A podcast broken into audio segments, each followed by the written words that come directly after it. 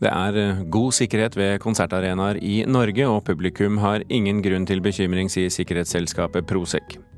De nye Facebook-avsløringene viser hva Facebook egentlig driver med, sier norske redaktører. Og den nye Pirates of the Caribbean-filmen med to norske regissører, den er sånn passe, men ledes trygt i havn, mener vår anmelder.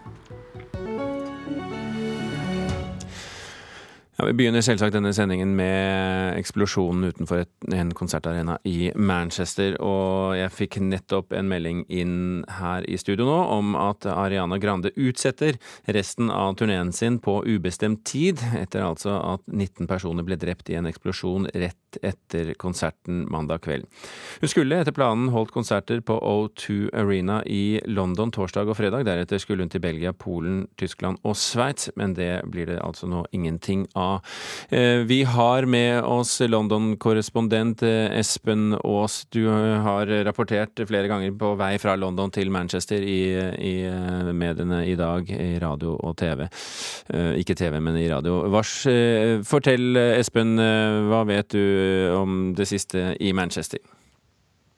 Ja, nå er jeg på plass uh, i uh, Manchester og har kommet meg så nærme Manchester Arena som uh, det er mulig. Politiet har lagt en jernring som man kaller det, rundt hele arenaen. Alle småveier og et ganske stort område også til Manchester Arena er nå stengt og lukket. og ingen får lov til å komme dit. Det ligger jo bl.a. et par hoteller tett på arenaen. Vi har Victoria Station, togstasjonen. Alt dette er nå stengt av, eh, og ingen får lov til å komme ned der på en god stund ennå. Eh, nå blir det litt omvendt her, Espen, for jeg fikk nettopp inn en melding fra Reuters eh, der det britiske politiet sier at angrepet i Manchester var utført av én mann, så der fikk du litt nyheter av meg isteden. Men fortell meg, Espen, hva slags publikum var på denne Grande-konserten? Ariane Grande er jo en uh, ung artist, kjent bl.a.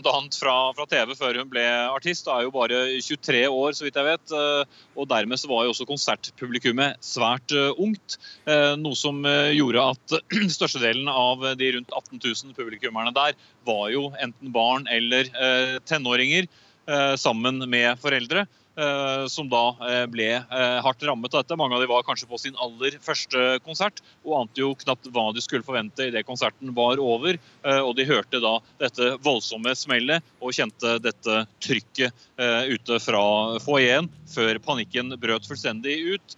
Sosiale medier trender da her nå i Manchester hvor du raskt får opp foreldre som leter fortsatt etter barna sine, og venner som har venner igjen som de ikke klarer å finne igjen, og som heller ingen andre har klart å komme i kontakt med. Eh, og nå kommer eh, nyhetene rennende inn her, Espen. Vi får nå vite at eh, antall døde er nå oppe i 22. Det melder politiet i Manchester. Denne, denne Manchester Arena, Espen, hva slags konsertsted er egentlig det? Ja, det er jo en stor og velbrukt eh, arena. Den kan ta over 20 eh, 000 når den er fullspekket. Eh, her har jo mange store navn opp gjennom årene spilt. Og det er klart at selv om britisk politi alltid er til stede på store konserter for å passe på folkemengdene, så blir det jo helt spesielt når det bryter ut panikk som det gjorde i går pga. En, en, en slik hendelse. Situasjonen blir vanskelig å få oversikt over. Ehm, og eh, man prøver å lose så mange som mulig ut på kortest mulig tid. Er ikke bare lett. Jeg, jeg, vet at du skal nå over på TV, men, men la meg eh, likevel bare stille deg et spørsmål. Eh, vi hørte nå nettopp at konserten i London var avlyst, også, også mm, resten av turneen. Men hva sier O2 Arena, vet du det? Ja, de har jo foreløpig bare sagt at de føler med eh, de ofrene som eh, har mistet sine på, på, det som skjedde her, og at de vurderte da eh, denne situasjonen fortløpende. Nå skal det jo være flere konserter på O2 Arena i London med andre artister, bl.a. det velkjente heavy metal-bandet Iron Maiden fra Storbritannia skal spille der for fullsatt sal både lørdag og søndag. Så får vi jo se om det kommer til å gå som planlagt, og om det i så fall blir langt strengere sikkerhetstiltak enn det som er vanlig på konsert. Konserter der. Ok, Espen, eh, takk for at du var med oss eh, fra London, nei, unnskyld, fra, fra Manchester. Vi går videre med denne saken. Vi har i dag snakket med operativ leder i Prosec, selskapet som leverer sikkerhetstjenester til konserter i Norge. De gjør seg blant annet klar for Bruno Mars-konserten på Telenor Arena, og de sier at det er god sikkerhet ved konsertarenaer i landet. Publikumssikringen er skjerpet i Norge pga. at vi har veldig strenge alkoholbestemmelser her. og Det gjør at det er ikke lov å ha med medbrakt alkohol inn på stedet. og Derfor så har vi alltid gjennomført visitering av alle gjester eller publikummere som kommer inn på arenaen. I tillegg til selvfølgelig å kontrollere bager. Det sier Henning Kristiansen, operativ leder i Prosec, selskapet som leverer sikkerhetstjenester til konserter i Norge. 19 mennesker er drept og 59 skadet etter en eksplosjon mot slutten av en Ariana Grande-konsert ved Manchester Arena i går kveld. Og Kristiansen sier at sikkerheten på konsertarenaer har blitt skjerpet de siste årene. Det, det som har vært skjerpa i etterkant av Paris og andre hendelser, det er at vi er mye mer observante på utsiden av arenaen. Og I flere tilfeller så, så har vi spottere, altså folk som ene og alene patruljerer i området for å si om det er noen personer som er mistenksomme. Terroranalytiker Atle Mesøy mener sikkerheten ved store konsertarenaer nå blir viktig. Ekstremt viktig. Og uh, så, så at uh, politiet må rustes opp, det er jo liten tvil om. Sikkerhetstjeneste og politiet må nok rustes opp, fordi det er, det er såpass Eh, det er såpass mange sårbare punkter og, og såpass mange eh, individer som er, er, er villige til å gjøre disse handlingene i Europa i dag. Tror du det kommer flere slike angrep eh, i sommer? Det er sannsynlig.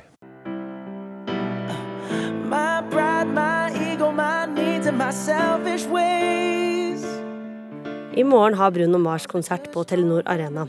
Kristiansen sier at sikkerheten før den konserten er godt ivaretatt. Jeg regner nok med at eh, Bruno Mars-produksjonen vil eh, rette en henvendelse. Eh, men vi har allerede gått igjennom sikkerhetsopplegget der ute. Og, og det er allerede på et høyt nivå, i all den tid det er et utsolgt hus. Har folk grunn til å være bekymret? Ikke i det hele tatt. Altså. Det er ingen, ingen trussel rettet mot noen arrangementer i Norge. Og det er det vi forholder oss til. Men selvfølgelig vi vil skjerpe inn alle våre folk til å gjøre en best mulig jobb. Vi vil også håpe at publikum vil være observante og hjelpe oss å sikre hele området på utsiden. Og reporter her, det var Mari Sand Malm. Og i studio har jeg fått en annen reporter, Thomas Alvarstein Ove. Du har sett på sosiale medier, og kanskje da Twitter spesielt. Hvordan reagerer Ariana Grande selv på det som har skjedd i dag? Jo, som vi selvfølgelig har, eh, har, hørt allerede, apparatet rundt henne har jo reagert med å, å utsette turneen på ubestemt tid. Det kommer nok mer informasjon om, om det etter hvert. Men selv har hun også tvitret at, eh, at hun er knust og veldig, veldig lei seg etter hendelsen. Jeg har ikke ord, eh, skriver hun på Twitter for, for, for tre timer siden. Manageren hennes, eh, Scooter Brown, skriver også på eh, Twitter en lengre melding. Hjertene våre er knust, ord kan ikke uttrykke hva vi føler for ofrene og familiene som er rammet av denne meningsløse hendelsen. Vi sørger over livene til barn og kjære som har gått tapt i det som er en feig handling. Vi retter en stor takk til hjelpemannskapene i Manchester som kom først til stedet og utsatte seg selv for mulig fare for å hjelpe andre og redde liv. Vi ber alle om å ta med ofrene, deres familier og alle andre som er rammet, i bønnene sine. Skriver altså eh, Scooter Brown, manager til eh, Ariana Grande, på, på eh, Twitter.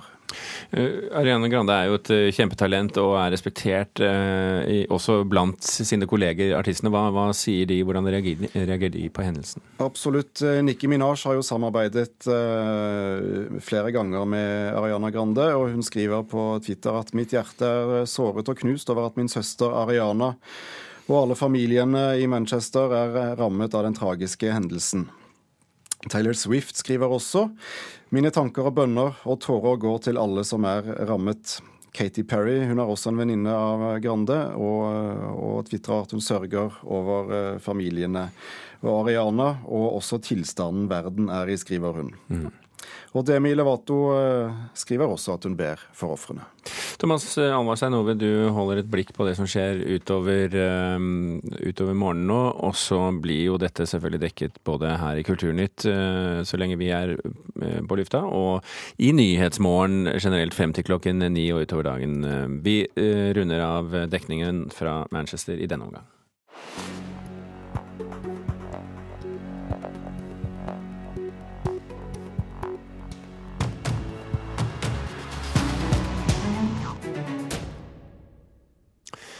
Retningslinjene for hva Facebook fjerner fra nettstedet ble i helgen offentliggjort av den britiske avisen The Guardian.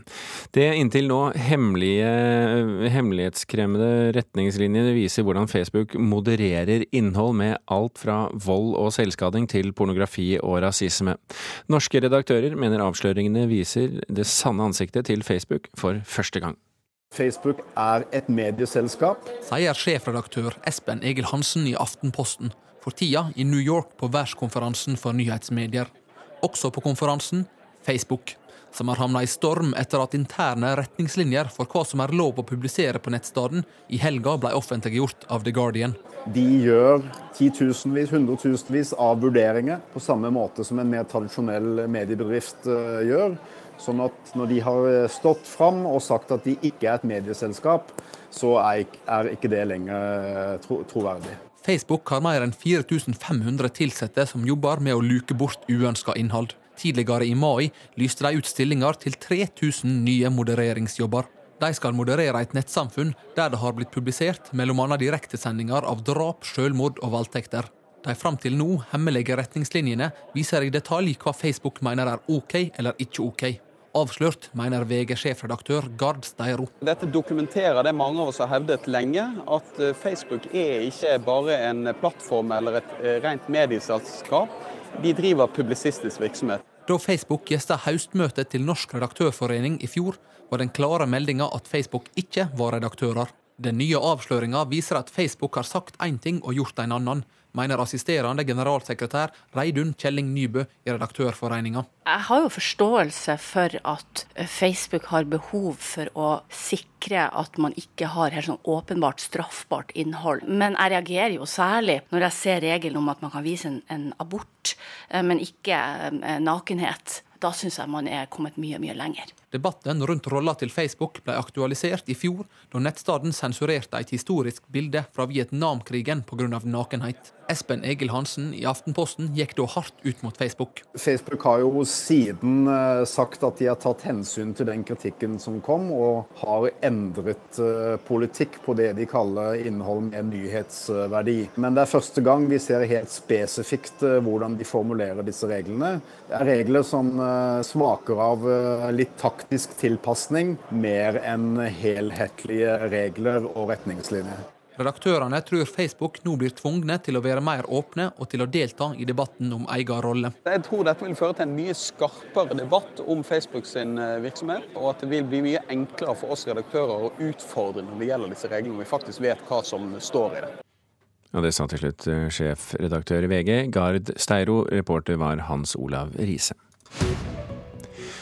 Vi har kommet halvveis i Kulturnytt nå. Klokken har passert 16 minutter over åtte og har fått inn eh, Joar Hoel Larsen for å rapportere hva eh, det siste er fra Manchester. Joar? Altså jeg satt nettopp også på en pressekonferanse som politiet hadde nå klokken syv eh, lokal tid.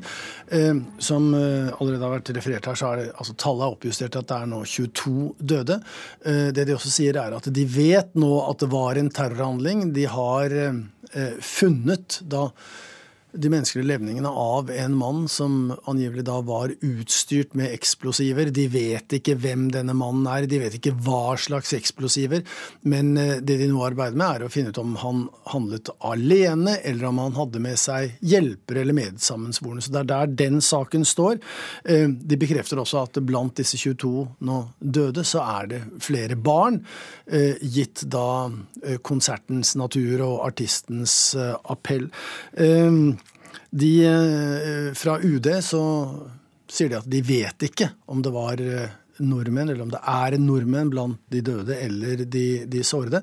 Eh, men eh, siden politiet i Manchester heller ikke går ut med nasjonalitet eller alder eller kjønn på noen av ofrene, så er det helt naturlig at UD heller ikke kan si noe om dette. Men vi vet jo også at det var nordmenn i, i salen i Manchester i går. Mm.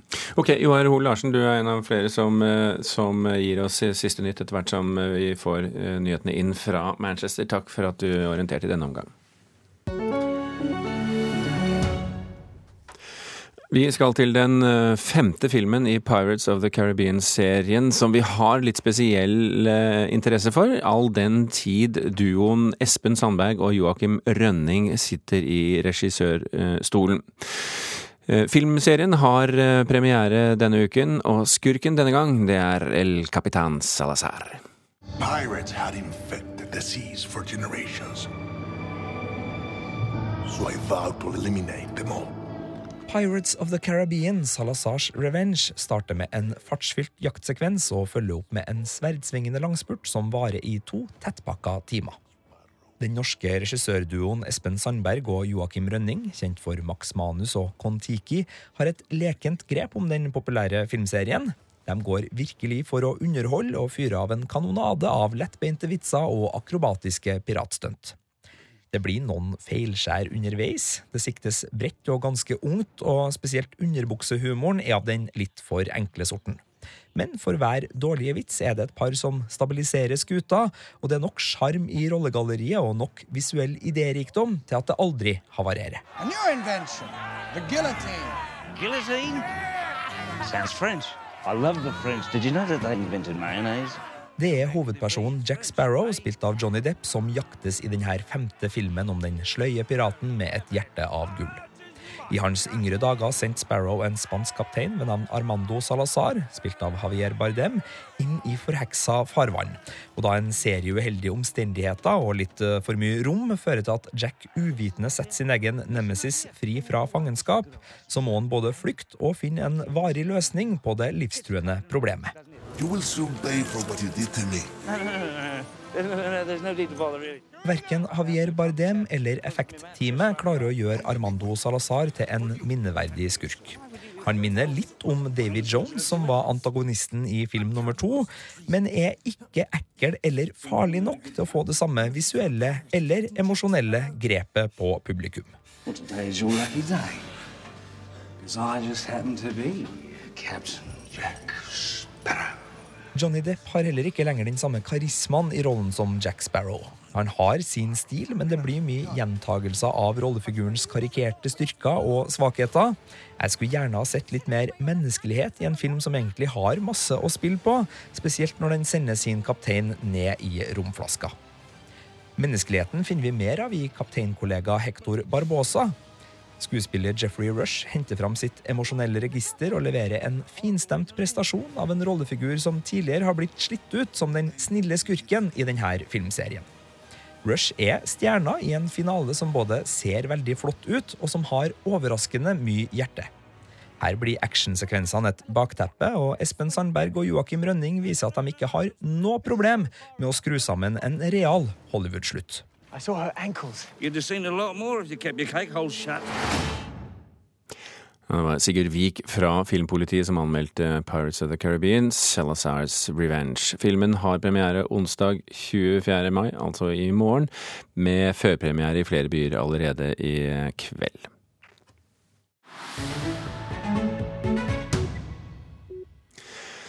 Varsel om en ny roman fra den tyrkiske nobelprisvinner Orhan Pamuks hånd det skaper alltid store forventninger i det litteraturinteresserte publikum.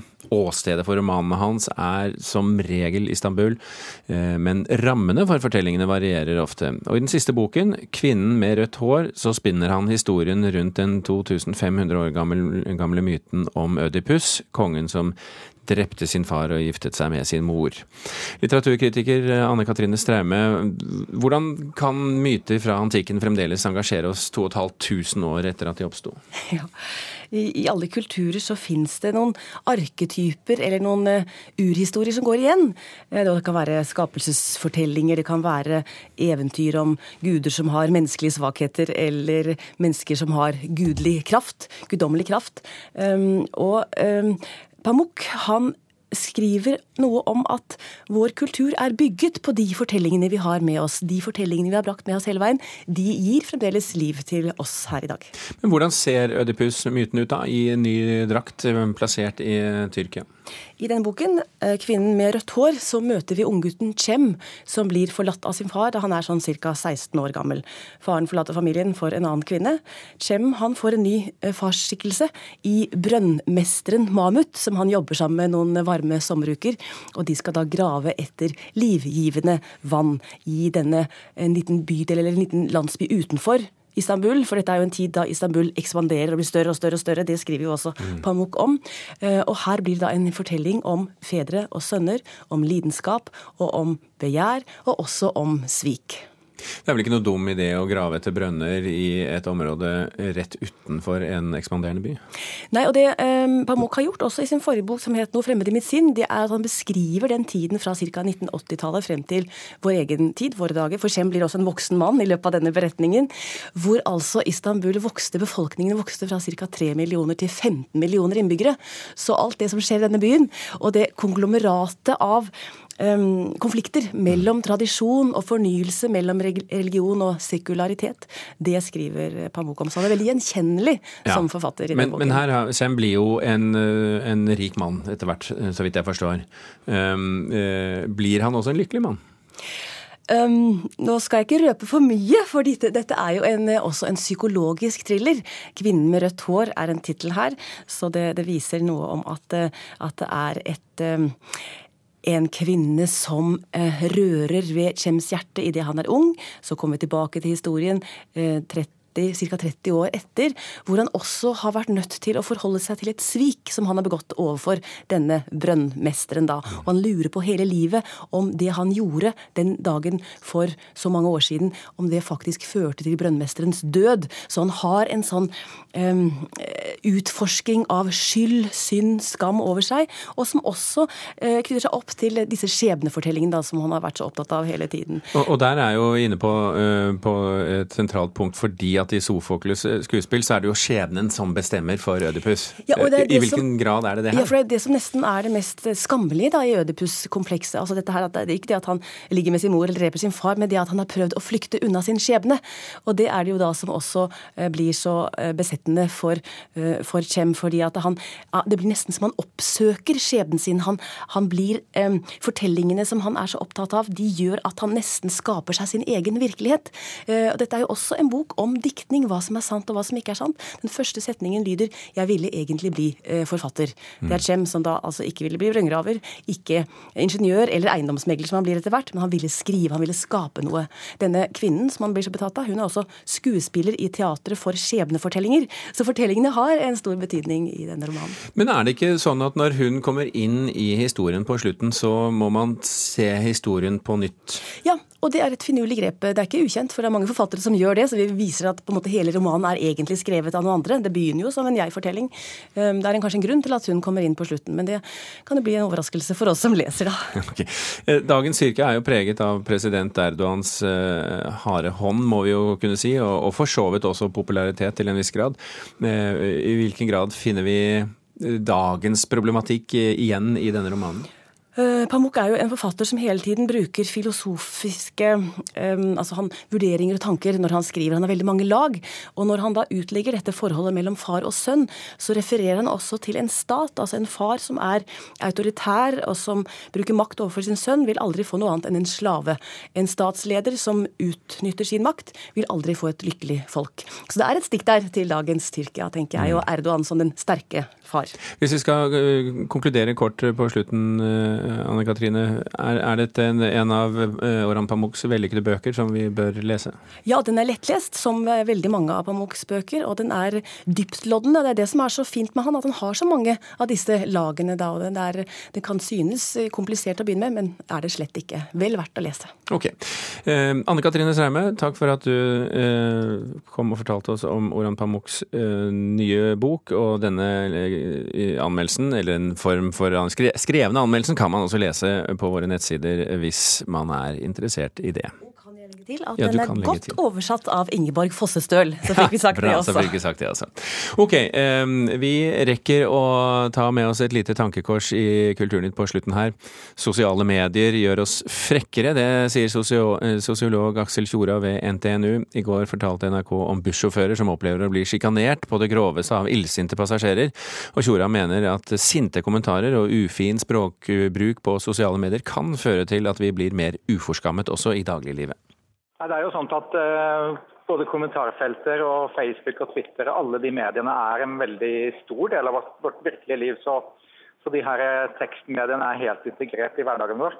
Og da må vi egentlig eh, ta for gitt at det kommer til å påvirke hvordan vi kommuniserer også muntlig mellom, mellom folk ansikt til ansikt. Ja, det sa Aksel Tjora ved NTNU. Kulturnytt er i ferd med å runde av. La oss bare oppsummere litt det vi har snakket om i dag. Eksplosjonen som kostet minst 22 mennesker livet utenfor et konsertlokale i Manchester, ble ifølge britisk politi forårsaket av en selvmordsbomber. Politiet mener det var én gjerningsmann som sto bak eksplosjonen, og at mannen nå er død. Politiet i Manchester opplyser at det er barn blant de døde. og Det er ingen nordmenn blant de berørte etter eksplosjonen, melder Utenriksdepartementet. UD oppfordrer også nordmenn i Manchester til å kontakte sine nærmeste pårørende i Norge og melde fra om sin status.